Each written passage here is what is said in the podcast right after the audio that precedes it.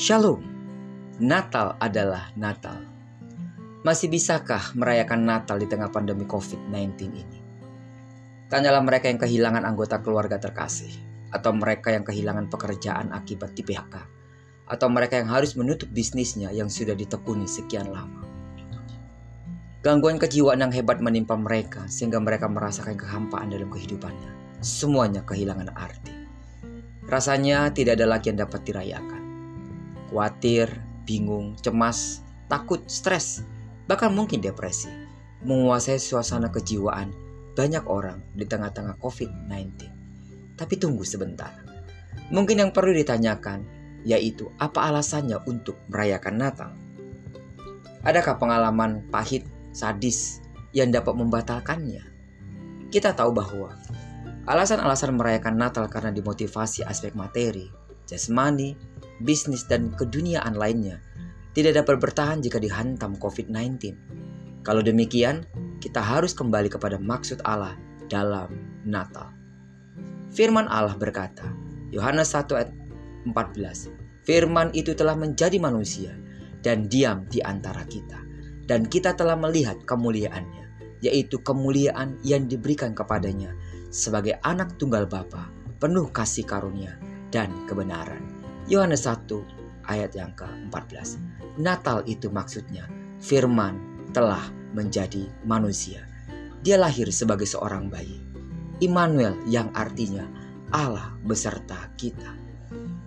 Allah mau menjadi manusia supaya dapat menyelamatkan kita dari dosa. Dia lahir di dalam hati kita supaya Allah dapat beserta kita dalam kondisi apa pun.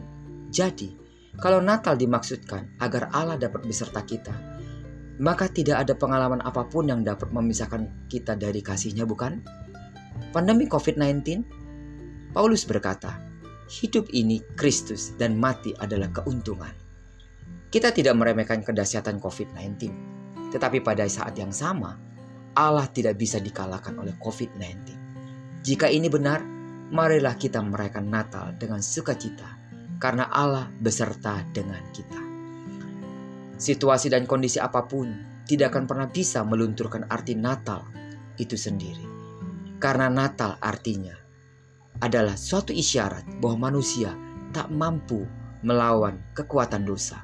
Itu sebabnya Yesus harus lahir hanya untuk mati agar kita yang mati karena dosa dibangkitkan oleh kebangkitan Kristus. Yohanes 3 ayat ke-16 karena begitu besar kasih Allah akan dunia ini, sehingga ia telah mengaruniakan anak yang tunggal, supaya setiap orang yang percaya kepadanya tidak binasa, melainkan beroleh hidup yang kekal.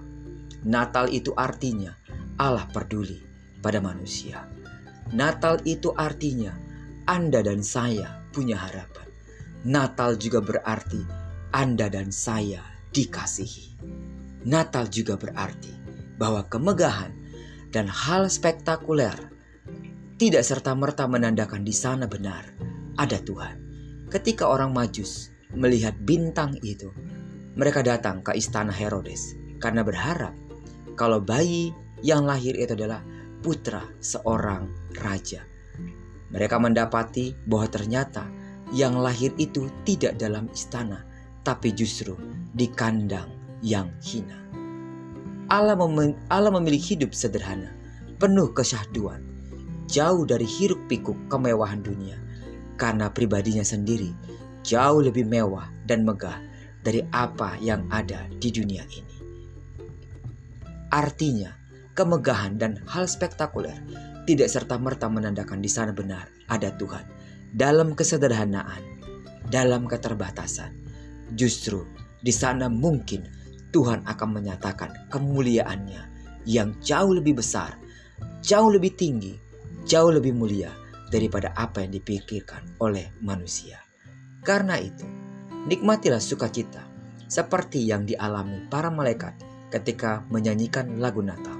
Kemuliaan bagi Allah di tempat yang maha tinggi dan damai sejahtera di bumi di antara manusia yang berkenan kepadanya. Lukas 2 ayat yang ke-14. Biar kiranya renungan ini akan menyemangati kita semua bahwa kondisi COVID-19 tidak boleh merenggut sukacita yang telah diberikan oleh Allah kepada dunia, secara khusus kepada saudara dan saya yang telah menerima karunia keselamatan ketika Yesus lahir hanya untuk mati, namun dibangkitkan untuk membangkitkan kita. Tuhan Yesus memberkati kita. Shalom.